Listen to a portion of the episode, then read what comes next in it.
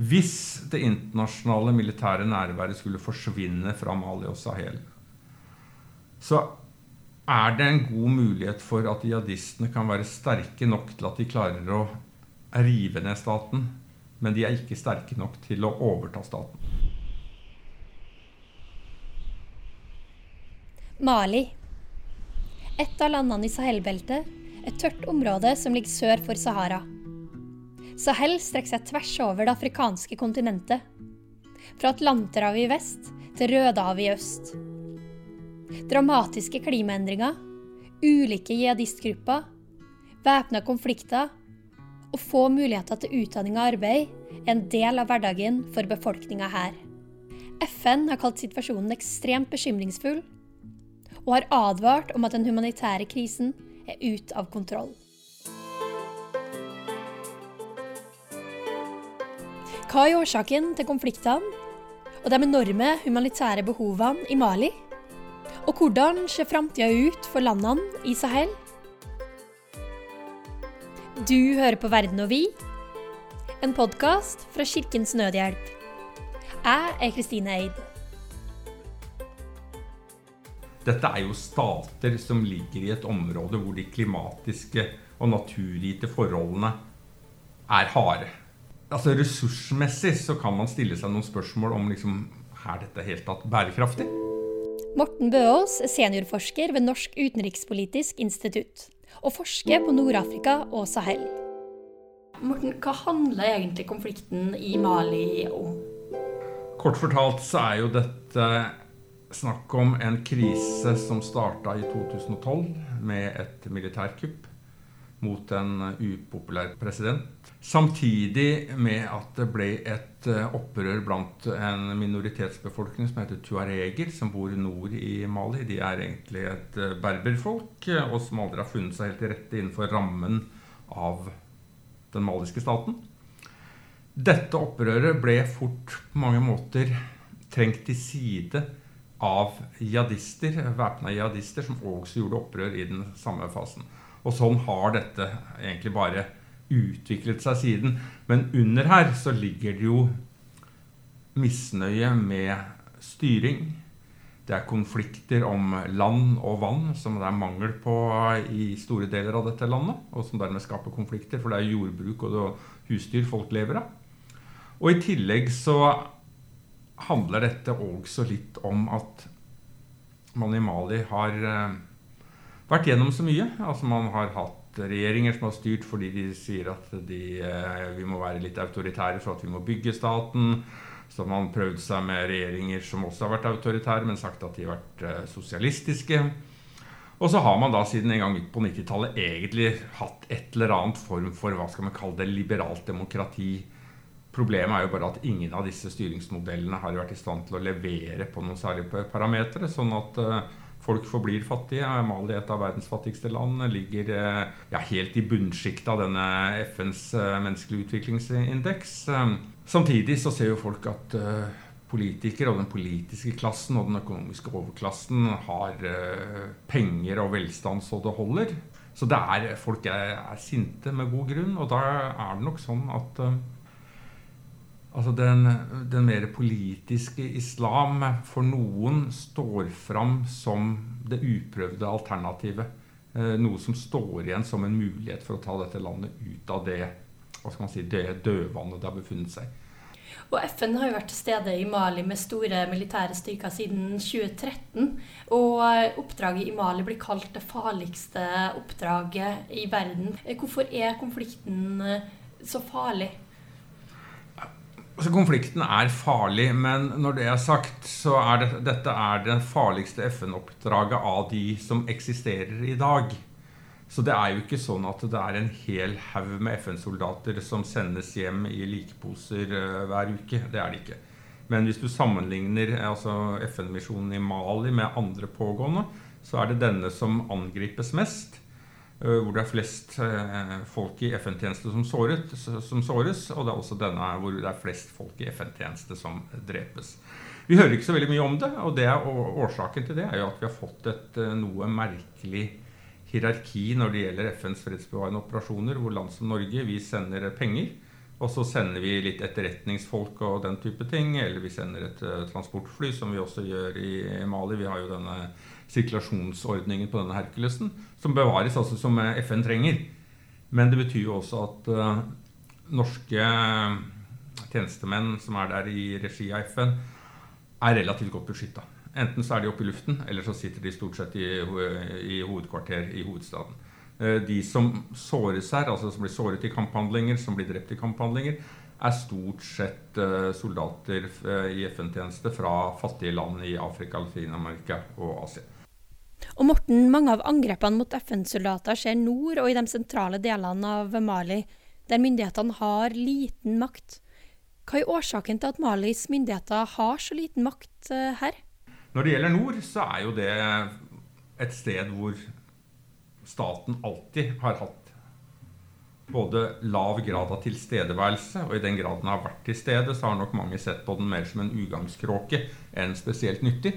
Og det er jo også her hvor brorparten av landets tuareg-minoritet bor og eller kommer fra. Så det er en historisk årsak her. Samtidig så er den historiske årsaken også forsterket av at eh, Mali i hele sin periode som en selvstendig stat har vært en svak stat, en fattig stat og en ganske dysfunksjonell stat. Og Det betyr jo også at eh, i den grad du merker statsmakt i det hele tatt ute i distriktene, og jo lengre fra hovedstaden du kommer, jo mer irrelevant framstår den ofte. For at den er ikke i stand til å gjøre spesielt mye. Samtidig så er ofte det lille den gjør, sett på som uønsket aktivitet. F.eks. For forsøk på å kreve inn skatter. Skatt er viktig, og et fungerende skattesystem er helt nødvendig hvis Mali skal klare å komme ut av den sumpa det befinner seg i. Men jeg skjønner jo godt at folk ikke syns det er spesielt festlig å betale skatter når de føler at de ikke får noen verdens ting igjen for det fra staten sin side. Så det er nok årsaken til nord. Når det gjelder det, så har denne konflikten spredd seg inn i det som vi kaller for sentralregionen som er mye mer alvorlig for den maliske staten og for de internasjonale operasjonene. Hvorfor det? Jo, for det første så er det, er det mye mer tettere befolket. Her er alle de viktige etniske gruppene i eh, Mali til stede. Og på en måte så er jo dette også et mye viktigere spisskammersområde for eh, landet. Her er, driver man eh, jordbruk, her er det kveg, men her er det også et aktivt innlandsfiske i både Nigerelven, som renner gjennom her, men også i alle disse sideelvene til Nigerelven. Og det at, har, at jihadisten har klart å sette seg fast her, det er en stor utfordring både for uh, regjeringen i Bamako, men også for FN og det internasjonale samfunn. Og Mali er jo en del av Sahel-beltet, et tørt savanneområde som ligger sør for Sahara. Morten, hva er årsaken til utfordringene i Sahel? Dette er jo stater som ligger i et område hvor de klimatiske og naturgitte forholdene er harde. Altså, store deler av Sahel er jo enten en del av Sahara eller altså i dette Sahel-beltet, altså som er en uh, sone som også får noe mindre vann, hvor det er tørrere osv. Så videre, sånn at rent sånn altså Ressursmessig så kan man stille seg noen spørsmål om liksom, er dette helt tatt bærekraftig. Delvis pga. antagelig ressursgrunnlaget, men ikke kun, så er jo disse statene her ekstremt svake. Eh, de har vært prega av militærkupp, av despotisk styre, av eh, plyndring av statskasser, korrupsjon, eh, you name it. Altså alle de tingene som underminerer statskapasitet. Det betyr jo også at staten har jo aldri klart å levere spesielt godt for befolkningen. Så tilliten mellom befolkning og de som sitter og styrer, har aldri vært spesielt stor, med god grunn. Eh, sett fra befolkningen sin side. Og når du får dette, alt dette oppå hverandre, så får du et område som blir svært sårbart for alle typer av både eksterne og interne sjokk på mange måter. Du var jo litt inn på det her med jihadistgruppa i Mali og Sahel. Hva slags trussel tror du de her gruppene kan utgjøre dersom de får fortsette å vokse i Sahel? Det gjenstår å se. Nå har jo en av lederne for den, kanskje den viktigste sammenslutningen av maliske jihadistgrupper, Iyad Agali, gikk jo ut tidligere år og sa det at uh, de har ingen planer om å gjennomføre angrep i Frankrike. Det er ikke franskmenn som er deres fiende, men eh, de, føler, de mener at de har full rett til å angripe både franske styrker i Mali, franske interesser i Mali og også FN, fordi de står og støtter en regjering som jihadistene oppfatter som totalt illegitim. Sånn at de Akkurat hvis du ser på hvordan de argumenterer nå, så ser det ut som de oppfatter det de holder på med, som en nasjonal og regional kamp. Det kan endre seg, det, det, vet vi ikke. Problemet er at eh, hvis det internasjonale militære nærværet skulle forsvinne fra Mali og Sahel, så er det en god mulighet for at jihadistene kan være sterke nok til at de klarer å rive ned staten, men de er ikke sterke nok til å overta staten. Det vil si at, og det er en stor forskjell fra det vi har sett i Afghanistan, hvor, hvor det ser ut til at Taliban i hvert fall er i stand til å ta over staten i den grad at de kan Taliban representerer en form for voldsmonopol. Altså at det er de, og kun de stort sett, som bruker makt i Afghanistan. Det er sikkert, fremstår sikkert som ekstremt ubehagelig for mange afghanere. Men da har man i hvert fall én væpna aktør å forholde seg til. Det vi kan ende opp med i Mali, er at eh, hvis staten rakner, så får du ulike jihadistbevegelser med litt ulike interesser som opererer, og som prøver å ta over, men ikke klarer det. Den maliske hæren rakner og fragmenterer inn i ulike krigsherrestyrker. Og da er man i et vanvittig kaos. Og det vil både føre til en enorm humanitær krise i Mali, men det kan også sende enorme mengder, mengder av mennesker på flukt. Og en god del av disse her, ikke alle, men noen vil jo da prøve å bevege seg mot sikkerhet utenfor eget land, og en del vil også søke mot Europa. Så helt hva som vil skje hvis, hvis hva skal man si, the worst case scenario slår inn, det vet vi ikke. Men eh, en gjentagelse av det som skjedde i Kabul tidligere i um, høst, har jeg ingen tro på. Hva mener du Norge og det internasjonale samfunnet må gjøre da, for å bedre situasjonen i Mali og Sahel?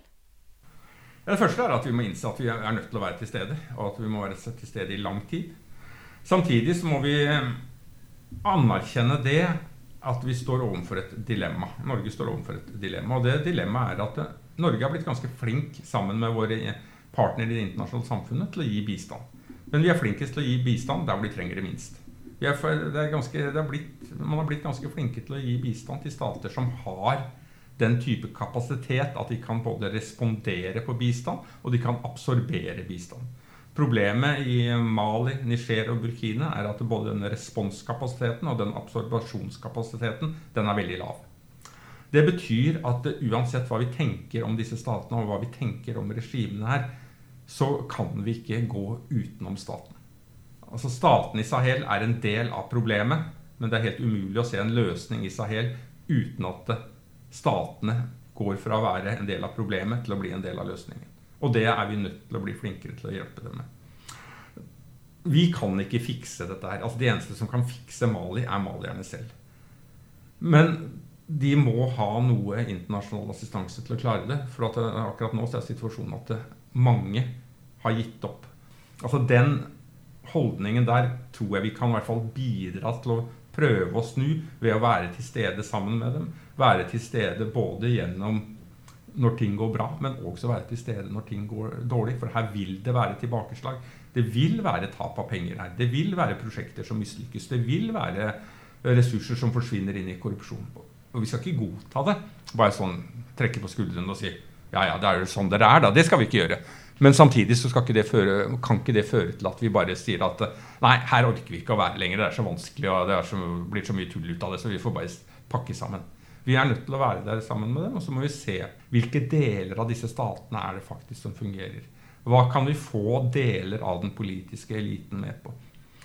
Jeg tror vi har vært litt for glad i å se etter endringsvilje, uten å skjønne det at endringsvilje i seg selv er helt meningsløst hvis ikke den samme aktøren også har endringsevne. Og det, det, det å identifisere denne kombinasjonen av endringsvilje og endringsevne innad i disse statene, i de ulike ministeriene, i de ulike politiske leirene, tror jeg kommer til å bli essensielt hvis vi skal klare dette. Så Det er jo helt åpenbart at det er utrolig krevende forhold som vi opererer i.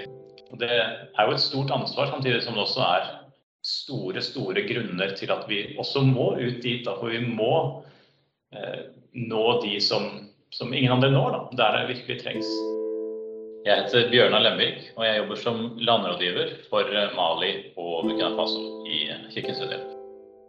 Jeg heter Anne Kat. Seland og jobber som landdirektør for Kirkens Nødhjelp i Mali og Burkina Faso. Eh, Anne Katrine og Bjørnar, dere er i hovedstaden Bamako i Mali. Eh, Anne Katrine, du var nylig på besøk eh, i flyktningleiren Sunow som ligger utafor Bamako. Eh, de fleste av flyktningene her er kvinner og barn, og har flykta fra konflikter i Mopti-regionen, som ligger nord i Mali. Hvilket inntrykk fikk du etter besøket i leiren? Ja, eh, Kirkens Nødhjelp jobber jo i denne, denne, leiren og begynte med å, å, bidra med hjelp der. For vi så at de hadde en akutt behov for eh, vann. Så vi har bidratt med å bore etter vann for å sørge for at man har rent, eh, rent vann. Både for å drikke vann og for hygiene. Og nå skal vi også eh, bidra til å bedre toalettforholdene. Eh, I tillegg så har vi et prosjekt for opplæring eh, for jenter og unge kvinner for å lære å lese og skrive. Eh, slik at de kan klare å få en, en liten inntekt for det er det som er, er, utfordringen, å klare seg fra dag til dag, egentlig, i, i svært vanskelige forhold. Igjen også i en svært vanskelig situasjon som de er. Og dette er jo folk som har flyktet fra Mopti-regionen, som er preget av uh, interne konflikter og voldelige konflikter av ulike såkalte si, jihadistiske grupper, men også militser. Så det har vært flere massakrer. Så konkret de som er i denne flyktningleiren, har flyktet etter at det har vært større massakrer i, i Mopti-regionen. Så det er klart de har kjempestore utfordringer som, traumer som de bærer på. Og så kommer de da til Bamako og har hatt og har fortsatt et, et, et vanskelig liv. Men jeg vil si at på tross av de vanskelighetene de står overfor, så, så ble jeg også veldig imponert av den livskraften som, eh, som vi ble møtt med da, når vi ser på det både de behovene de har, men også det som ser det arbeidet som vi gjør der, og ser at det bidrar til eh, at vi kan i hvert fall sørge for at situasjonen blir noe bedre for dem. Mm. Og Mali er et land med mange kriser og konflikter. Eh, og spesielt da nord og sentralt i landet så er det over 300 000 som er internt fordrevne. I tillegg så har seks av landets 20 millioner innbyggere behov for nødhjelp. Hva gjør Kirkens Nødhjelp eh, for å hjelpe de her menneskene? Når det gjelder de som har, eh, som har flyktet, da, så er jo de fleste som flykter kvinner og barn, kvinner og jenter. Så Derfor har Kirkens Nødhjelp prosjekter som går spesifikt på beskyttelse av eh, kvinner og jenter mot kjønnsbasert vold. Det har vi da i Mopti-regionen, på grensen til Burkina Faso. Og Det er da eh, både å gi hjelp til de som har opplevd vold, at vi etablerer eh, noe som kan være tilsvarende et krisesenter man har i Norge. da, Eh, så med et tilbud til de som har vært offer for vold. I tillegg så hjelper vi eh, kvinnene og jentene til å kunne starte opp aktiviteter som gjør at de klarer å tjene penger selv. Det, er klart at det å være økonomisk uavhengig, det er jo en beste beskyttelse for kvinner og jenter overalt i verden. Mm. Og Kirkens Nødhjelp har et veldig stort fokus på fredsbygging i Mali. Kan uh, dere fortelle litt om det? Vi jobber jo særlig for å inkludere kvinner i fredsprosesser.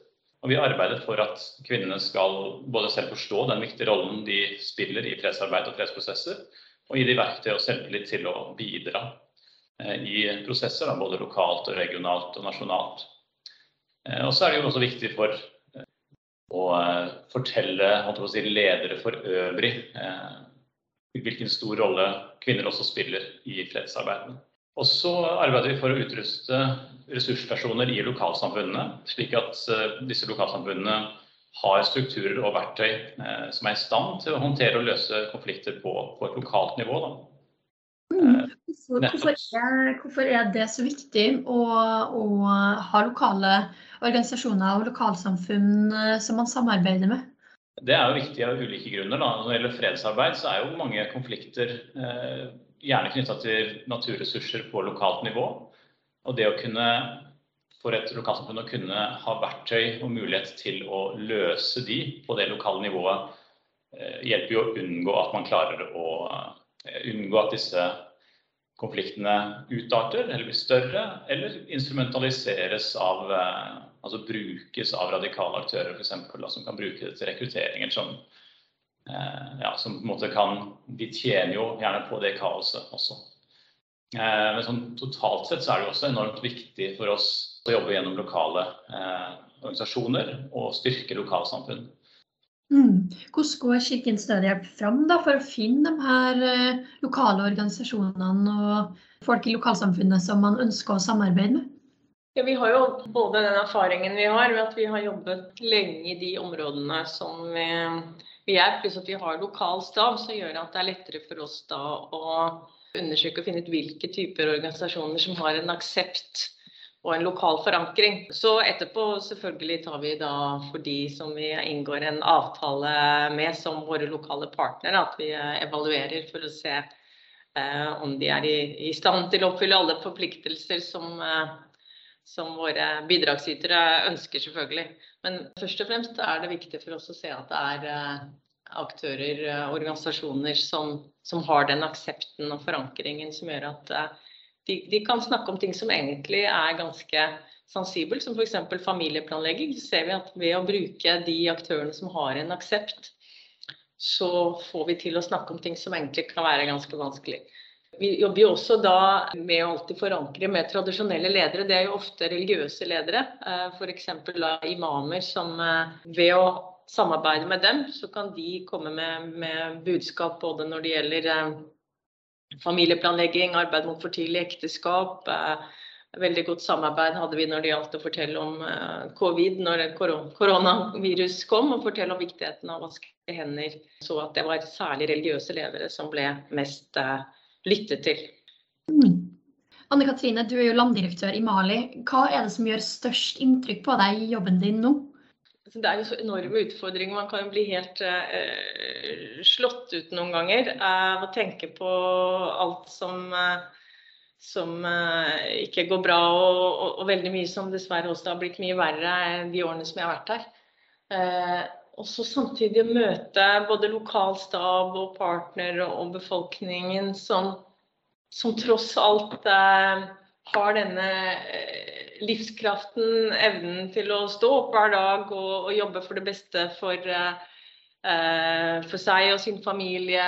Og, og, og, klare dette tross den situasjonen de står i. De tenker jeg viser veldig mye av den motstandskraften som er i denne befolkningen. og det er så mye positivt i den maliske kulturen. Det er det som gir meg et håp om å kunne bygge mer på de positive kreftene som tross alt finnes i landet.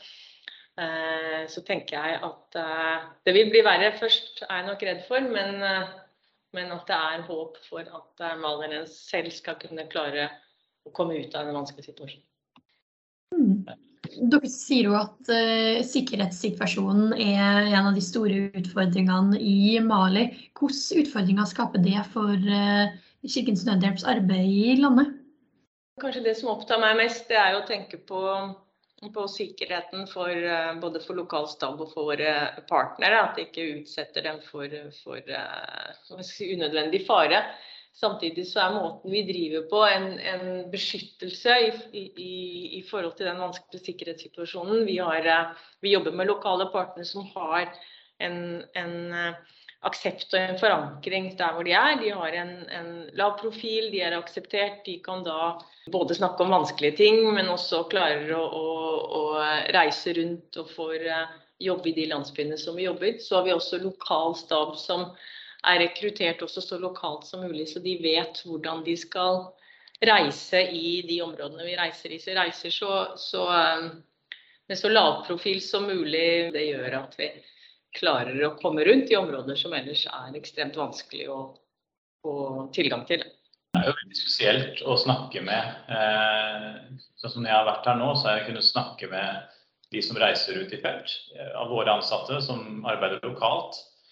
Og de forteller om at de sier ikke hvor de skal til folk før de reiser. De må undersøke om det er, er det trygt å reise nå i dag, eller må vi utsette det. Og de reiser ikke samme vei tilbake som de reiste til, f.eks. Så det er jo helt åpenbart at det er utrolig krevende forhold som vi opererer i. Og det er jo et stort ansvar, samtidig som det også er store, store grunner til at vi også må ut dit. Da, for vi må eh, nå de som, som ingen andre når, da, der det virkelig trengs.